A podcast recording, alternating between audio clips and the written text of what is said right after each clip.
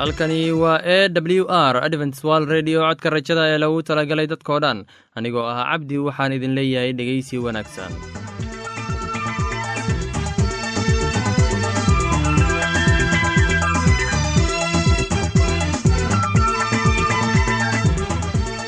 Barnaamijyadeena maanta waa laba qaybood. Qaybta kuwaad waxaad ku maqli doontaan barnaamijka nolosha qoyska. Kadib waxaa inoo raaci doonaa cashar inaga yimid bugga nolosha ee dhegeysi wacan kulanti wacan dhegaystayaal kuna soo dhowaada barnaamijkeennii nolosha qoyska oo aad xiliyadan oo kale aad hawada inaga dhegaysan jirteen. Mowduuciina maanta wuxuu ku saabsan yahay waxyeelaynta haweenka anigoo ah cabdi waxaan idin leeyahay dhegaysi wacan dhammaantiinba. Waxyeelooyinka loo geysto haweenka waa mid maalin maalinba maalinta ka dambaysa sii kordhaysa gaar ahaan qaaraddan afrika haweenka waxay rag badani u arkaan kuwo ka liita ragga oo ka hooseeya sidaa darteedna ay siday doonaan ka yeela haweenka. Haween badan ayaan la ogeyn dhibka haysta ama iska qarsada dhibkooda oo aan cidna u sheegin waxa soo gaaray. Waxaa loo baahan yahay in marka hore ay ragga qaarkood ay fahmaan in haweenku ay yihiin bini-aadam iyagoo kale ah loona baahan yahay in la xaq dhowro oo aan dhibaato iyo waxyeelo toona loo geysan. Waxaa meelaha qaar lagu arki karaa dalkeenna haween aan loo turin. Waxaad arkaysaa haweeney uur leh oo biyo dhaaminaysa ama beer falaysa halkii laga rabay in raggu ay hawsha culus ka dhaafaan haweenka gaar ahaan xilliyada ay uurka leeyihiin ama ay jiran yihiin. Waxaa mararka qaar dhacda in ay garaacaan haweenaydii uurka lahayd oo biyo dhaaminaysa ama howl kale haysa. Dabeecadahan waxay ku badan yihiin meelaha dhoobeyda ah oo raggu ay aad ugu shaqeeyaan haweenka una iyagoon u naxariisan oo u taal sheegta mar walba. Sidoo kale ragga magaalooyinka jooga waxay iyaguna u itaal sheegtaan haweenka. Waxaan inta badan aragnaa haweenka oo shaah dariiqyada ku iibiya ama qaad iibiya iyagoo reerkooda biilaya. Taa la yaab ma laha waayo waa shaqo loo baahan yahay. Laakiin waxaa dhacdaa in rag badani ay ku dilaan xaasaskooda ama ay ku qayliyaan si qaad loogu iibiyo haddii ay sansiinin lacag ay ku iibsadaanna ama qaadka aysan siinin ay markaa qaylo iyo dhibaatooyin u geysanayaan. Haddaba dhegaystow ku xadgudubka haweenka waa dembi weyn ilaah agtiisa waana in aan waajib ballaaran iska saarnaa dhowrista xuquuqda haweenka waayo waynala dhasheen oo wayna dhaleen waana aan la dhalanay rag inala mid ahna way la dhasheen. Ragga qaar ayaa qabaa in haweenku aysan inaba xuquuq lahayn ama u maleeya in ay ka liitaan. Runtii ragga iyo haweenka ilaah ayaa wada abuuray oo ilaah agtiisa way u wada siman yihiin. Ogow haddii aad xaqirto ruux haweenay ah inaad xaqirtay hooyada tii ku dhashay adiga ragga qaar ayaa si xun u garaaca haweenka oo dhaawacyo xunxun gaarsiiya. Qaar nafta ayay ka qaadaan qaarna way kubsadaan hadday doonaan. Halka qaar ay si xun ugu shaqeeyaan. Haweenka waa bini-aadan mana aha in si xuushnimo ah loola dhaqmo waana mid dembi ah xaqiraadda lagu hayo haweenka. Waxaan ognahay in haweenka ay galaan. Dembiyo balse ma aha in qaladka ay galaan qalad kale lagu gudo ama aan lays odhan cid kaa celin karta ma jirto. Sidaa darteedna sidaad doonto ka yeel ragga quman waa kuwa u naxariista haweenka oo u tura balse kan maangaabka ah ayaa ku xadgudba haweenka. Dad badan oo soomaali ah ayaa qabaa in gabdhuhu aysan wax faa'iide ah u lahayn reerka ay ka dhalatay balse qaba in ay ceyb u soo jiidayso. Waxaan maanta wada ognahay in gabdhuhu ay boqolkiiba boqol ka naxariis badan yihiin wiilasha kana waxtar badan yihiin. Guud ahaan haweenku waa aasaaska bulshada maadaama ay aasaaska bulshada yihiinna waa in ahmiyad gaar ah la siiyaa oo aan lagu xadgudbin lagana ilaaliyaa kuwa ku xadgudba haweenka sharcigana la keeno si waajibaadkooda loo marsiiyo. Dhegeystayaasheenna qiimaha iyo qadarinta mudano waxaan filayaa inaad si habboon u dhegeysan doontaan. Haddaba haddii aad qabto wax su'aal ama talo iyo tusaale oo ku saabsan barnaamijyadeena maanta fadlan inala soo xiriir. Dib ayaynu kaga sheegi doonaa ciwaanka yagu balse intaynan u guuda gelin barnaamijyadeena xiisaa leh. Waxaad marka hore ku soo dhowaataan. Heestan daabacsan dhegeystayaal ku soo dhowaada barnaamijkeena caafimaadka oo ku magaca dheer doctor luuq barnaamijkani wuxuu ku saabsan yahay caafimaadka ama daryeelka qofka bini aadanka barnaamijkani waxaa kaloo ku maqli doontaan xiiso oynu idiin soo xulnay oynu filayno inaad ka faa'iideysan doontaan. Haddii aad qabtaan wax su'aal ama talo fadlan inala soo xiriir. Dib ayaynu kaga sheegi doonaa ciwaankeenna bal intaynan u guuda galin barnaamijkeenna maanta. Waxaad ku soo dhowaataan heestan daabacsan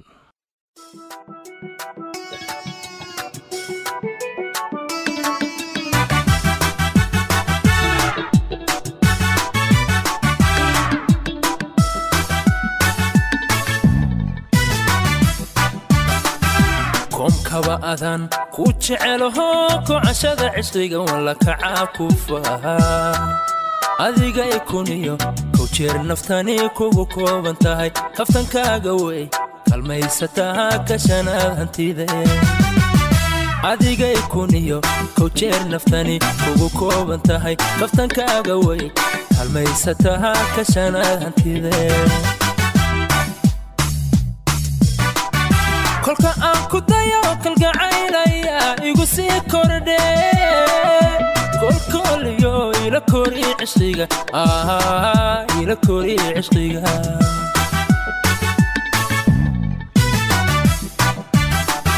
kolka aan ku dayo kalgacaylaya igu sii kordhe. Kolkooliyo ila kori cishqiga ila kori cishqiga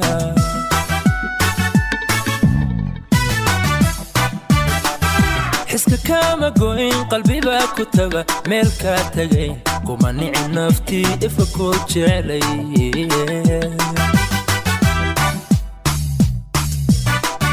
qalbi kugu kalsoon baa kugu lamaan oo kugu lamaan kulligooda hablaha kacay kaala baxay adi kaala baxay. Qalbi kugu kalsoon baa kugu lamaan oo kugu lamaan kulligooda hablaha kacay kaala baxay adi kaala baxay. Adna keliya laab igu keliya igu keliya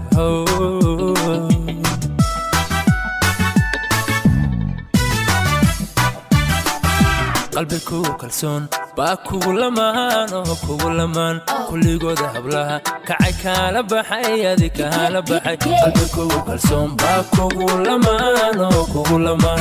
Kulligooda hablaha kacay kaala baxay adi kaala baxay. Adna keliya laab igu keliya how igu keliya how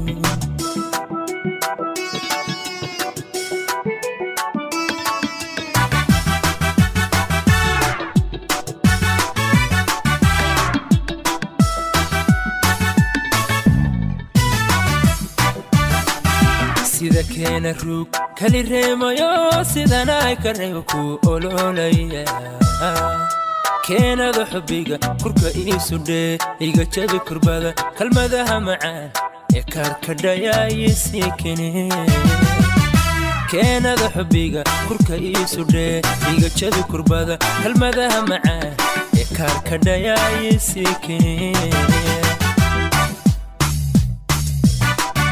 kax waxaan la'ahay cisqikeedsamo igu laba kacee maanaa ku laba kama armi kara kama armi kara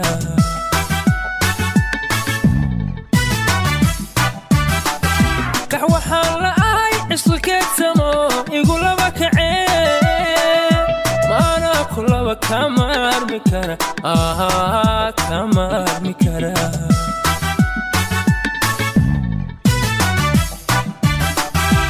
xiska kama goyn qalbibaa ku taga meel kaa tagayn kuma nici naftii ifa koo jeclay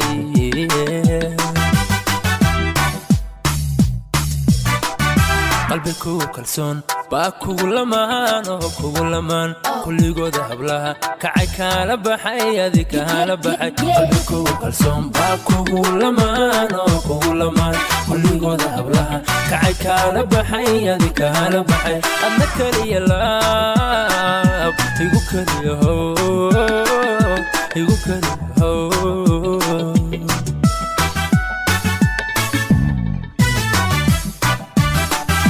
qalbi kugu kalsoon. Baa kugu lamaan oo kugu lamaan. Kulligooda hablaha kacay kaala baxay adi kaala baxay qalbi kugu kalsoon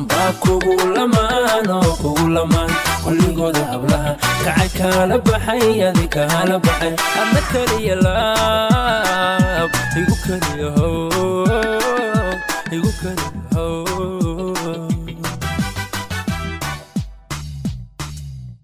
waxaan filayaa inaad ka faa'iidaysateen heestani. Haddana waxaad ku soo dhowaataan barnaamijkii doktor luuq ee caafimaadka.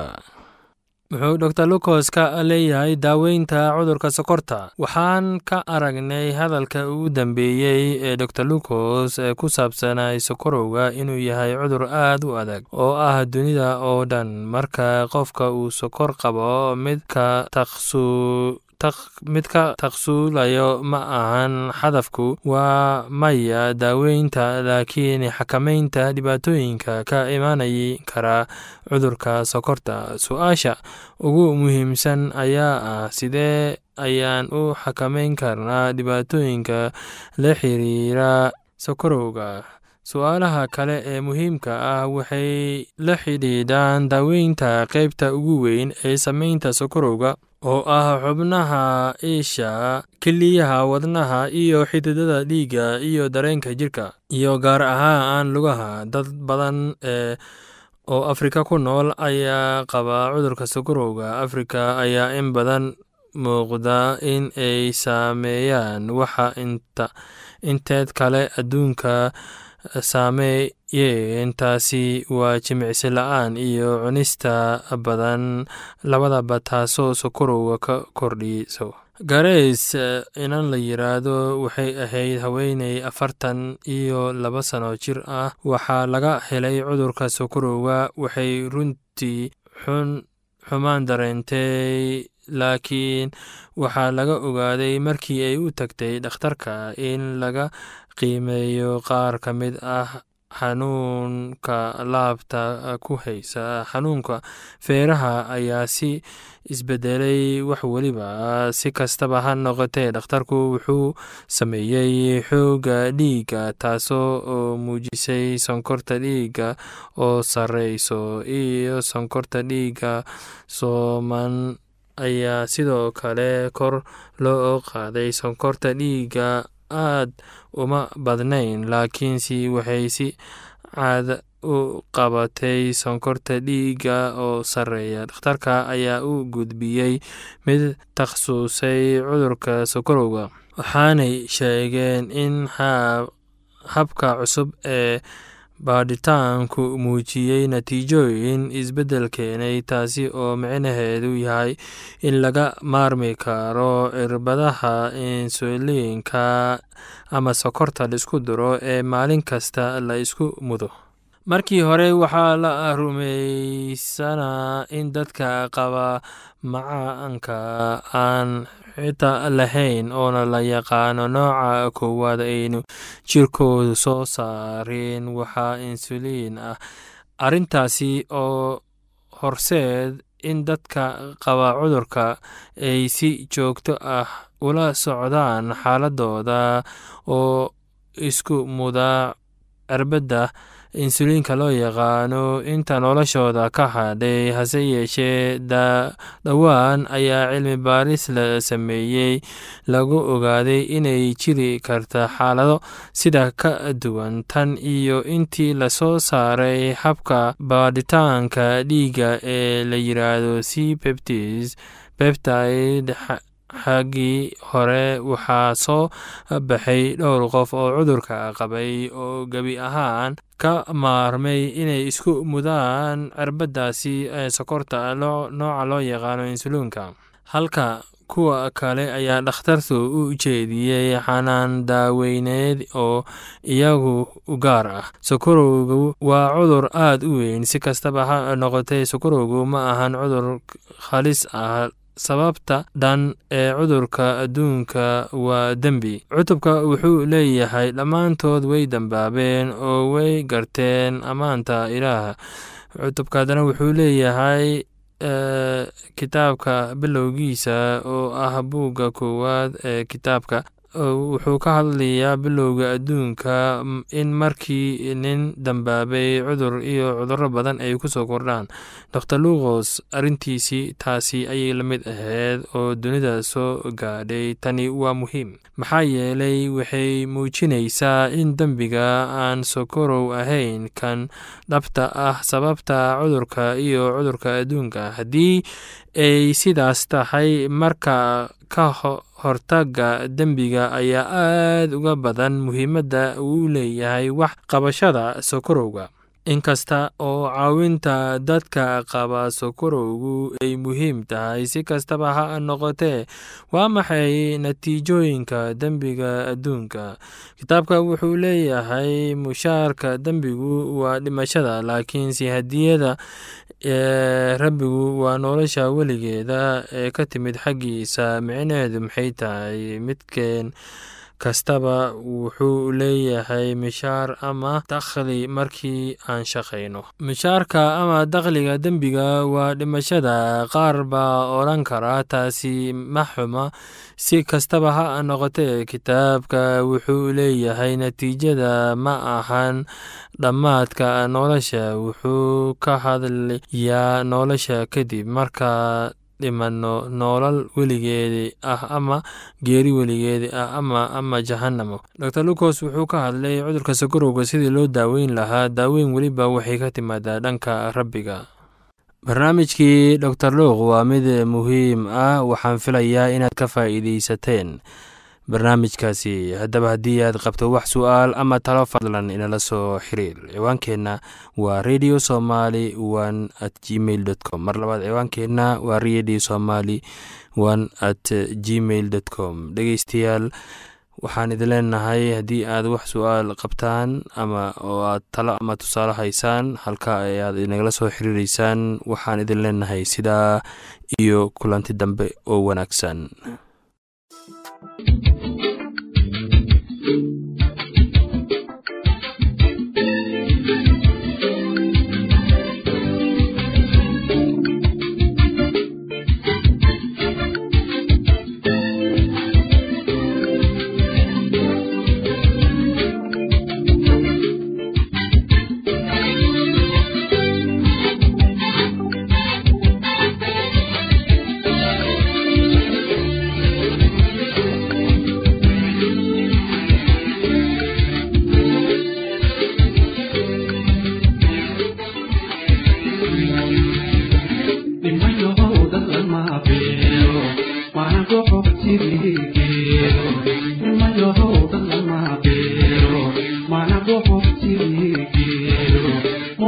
Berbanding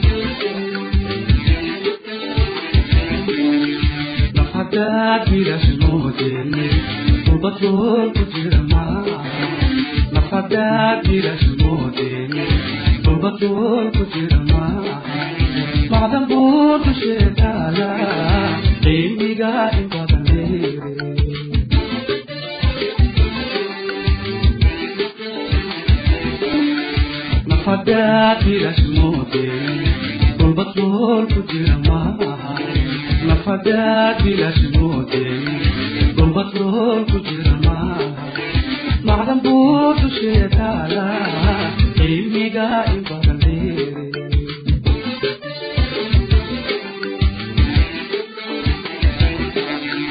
keligay haddaan booyo haddii aan baroor dhiiqo keligay booyo haddii aan baroor dhiiqo baaqayayla garan doona waxaan ahay bukaan socod baaqayayla garan doona waxaan ahay bukaan socod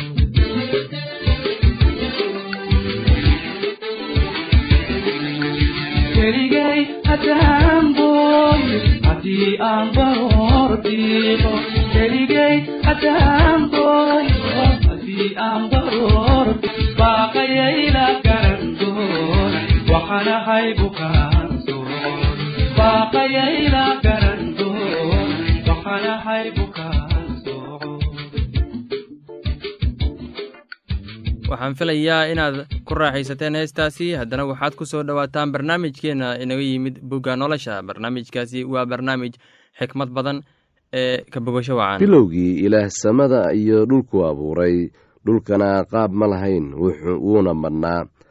Gudcurna muulkuu dul joogay oo ruuxa ilaahna wuxuu ka dul dhaqdhaqaaqayay biyaha. Ilaahna wuxuu yidhi iftiin ha ahaado iftiin baana ahaaday ilaahna wuxuu arkay iftiinkii inuu wanaagsan yahay. Ilaahna iftiinkii ayuu ka soocay gudcurkii. Ilaahna iftiinkii wuxuu u bixiyey maalin gudcurkiina wuxuu u bixiyey habeen. Waxaana jiray fiid iyo subax isla maalin ah. Ilaahna wuxuu yidhi meel bannaani ha noqoto biyaha dhexdooda oo iyadu biyaha ha ka soocdo biyaha markaasuu ilaah sameeyey meeshii bannaanka ahayd oo wuxuu biyihii bannaanka ka hooseeyey ka soocay kuwii bannaanka ka sarreeyey. Sidaasayna ahaatay. Ilaahna bannaankii wuxuu u bixiyey samo waxaana jiray fiid iyo subax maalintii labaad. Ilaahna wuxuu yidhi biyaha samada ka hooseeya meel ha isugu soo urureen oo ciidda engegani ha muuqato sidaasayna ahaatay. Markaasuu ilaah ciidda engegnayd u bixiyey dhul ururkii biyahana wuxuu u bixiyey bado oo ilaah wuxuu arkay intaasu wanaagsan tahay. Ilaahna wuxuu yidhi dhulka ha soo bixiyo doog iyo geedo yaryar oo iniino dhala iyo geedo waaweyn oo midho caynkooda ah dhala oo inanahoodana ku dhex jiraan oo dhulka ku kor yaal sidaasayna ahaatay. Dhulkiina wuxuu soo bixiyey doog iyo geedo yaryar oo leh inino caynkooda ah iyo geedo waaweyn oo midho dhala oo inanahooda ku dhex jiraan iyagoo caynkooda ah. Ilaahna wuxuu arkay intaasu wanaagsan tahay waxaana jiray fiid iyo subax maalintii saddexaad. Ilaahna wuxuu yidhi iftiimo ha ahaadeen meesha bannaan oo samada dhex ah si ay u kala soocaan maalinta iyo habeenka oo ha u ahaadeen calaamooyin iyo xiliyo iyo maalmo iyo sannado oo iftiimo ha u noqdeen meeshii bannaanayd oo samada dhex ahayd si ay u iftiimiyaan dhulka dushiisa sidaasayna ahaatay oo ilaah wuxuu sameeyey laba iftiin oo waaweyn si uu iftiinka weyn u xukumo maalinta. Iftiinka yaruna u xukumo habeenka oo xidigahana wuu sameeyey. Ilaahna wuxuu iyaga dhigay meeshii bannaanayd oo samada dhex ahayd si ay dhulka u iftiimiyaan oo ay u xukumaan maalinta iyo habeenka oo ay iftiin uga soocaan gudcurka. Ilaahna wuxuu arkay intaasu wanaagsan tahay oo waxaana jiray fiid iyo subax maalintii afraad oo ilaah wuxuu yidhi biyuhu ha u soo bixiyeen uun dhaqdhaqaaqa oo badan oo naf nool leh. Haaduna ha duusho dhulka dushiisa xagga meeshii bannaanayd oo sannada dhex ahayd oo ilaah wuxuu abuuray nibiryada badda oo waaweyn iyo uun kasta oo nool oo dhaqdhaqaaqa ee biyuhu aad u bixiyeen iyagoo badan oo caynkooda oo kala dhala iyo haad kasta oo caynkiisa dhala. Ilaahna wuxuu arkay intaasu wanaagsan tahay oo ilaah baa barakadeeyey iyaga isagoo leh wax badan dhala oo tarma oo biyaha badda ka buuxsama. Haaduna ha ku tarmeen dhulka oo waxaana jiray fiid iyo subax maalintii shanaad. Oo ilaah wuxuu yidhi dhulku ha soo bixiyo uun nool oo caynkiisa dhala kuwaasoo ah xoola iyo waxa gurguurta iyo dugaagga dhulka oo caynkooda dhala sidaasayna ahaatay ilaahna wuxuu sameeyey dugaagga dhulka oo caynkiisa dhala iyo xoolo caynkooda dhala iyo wax kasta oo dhulka gurguurta oo caynkiisa dhala ilaahna wuxuu arkay intaasu wanaagsan tahay. Ilaahna wuxuu yidhi aan nin inoo eg ka samayno araggeenna oo iyagu ha xukumeen kalluunka badda iyo haadda hawada iyo xoolaha iyo dhulka oo dhan iyo waxa dhulka gurgurta oo dhan oo ilaah nin buu ka abuuray araggiisa ilaah araggiisa ayuu ka abuuray isaga lab iyo dhadig ayuu abuuray oo ilaah baa barakadeeyey iyaga oo ilaah wuxuu iyaga ku yidhi wax badan dhala oo tarma oo dhulka ka buuxsama oo ka sara mara dhulka xukuma kulunka badda iyo haadda hawada iyo wax kasta oo nool oo dhulka kor dhaqdhaqaaqa. Oo ilaah wuxuu yidhi bal eeg waxaan idin siiyey geed kasta oo yar oo iniino dhala oo ku yaal dhulka dushiisa oo dhan iyo geed kasta oo weyn kaasoo miro leh oo iniino dhala oo waxay idiin noqon doonaan cunto oo dugaag kasta oo dhulka jooga iyo haad kasta oo oo hawada duusha iyo wax kasta oo dhulka gurguurta oo naf nool leh ayaan geed kasta oo cagaar ah cunto u siiyey. Sidaasayna ahaatay oo ilaah wuxuu arkay wax kasta oo uu sameeyey oo bal eeg aad bay u wanaagsanaayeen. Waxaana jiray fiid iyo subax maalintii lixaad. Heestaasi iyo casharka buugga nolosha ayaanu ku soo gabgabayneynaa barnaamijyadeena maanta. Halkaad inaga dhegeysanaysaan waa laanta afka soomaaliga ee codka rajada ee lagu talagalay dadkao dhan. Haddaba haddii aad doonayso inaad wax ka faa'iidaysataan barnaamijyadeena sida barnaamijka caafimaadka barnaamijka nolosha qoyska iyo barnaamijka kitaabka quduuska fadlan inala soo xiriir. Ciwaanka yagu waa codka rajada sanduuqa boosada afar laba laba todoba lix nairobi kenya. Mar labaad ciwaanka yagu waa codka rajada sanduuqa boosada afar laba laba todoba lix nairobi kenya. Emeilka yagu waa somali at a w r o r g. Mar labaad emeilka yagu waa somali at a w r o r g. Ama emesonka oo ah codka rajada at hotmail dot com. Mar labaad emesonka yagu waa codka rajada at hotmail dot com. Ama barta internetka ayaad ka akhrisan kartaan barnaamijyadeena iyo ka maqasha sida www codka rajada g dhegeystayaasheena qiimaha iyo qadarinta mudan oo barnaamijyadeena maanta waa naga intaas. Tan iyo intaynu hawada dib ugu kulmayno waxaan idin leeyahay sidaas iyo ammaano allah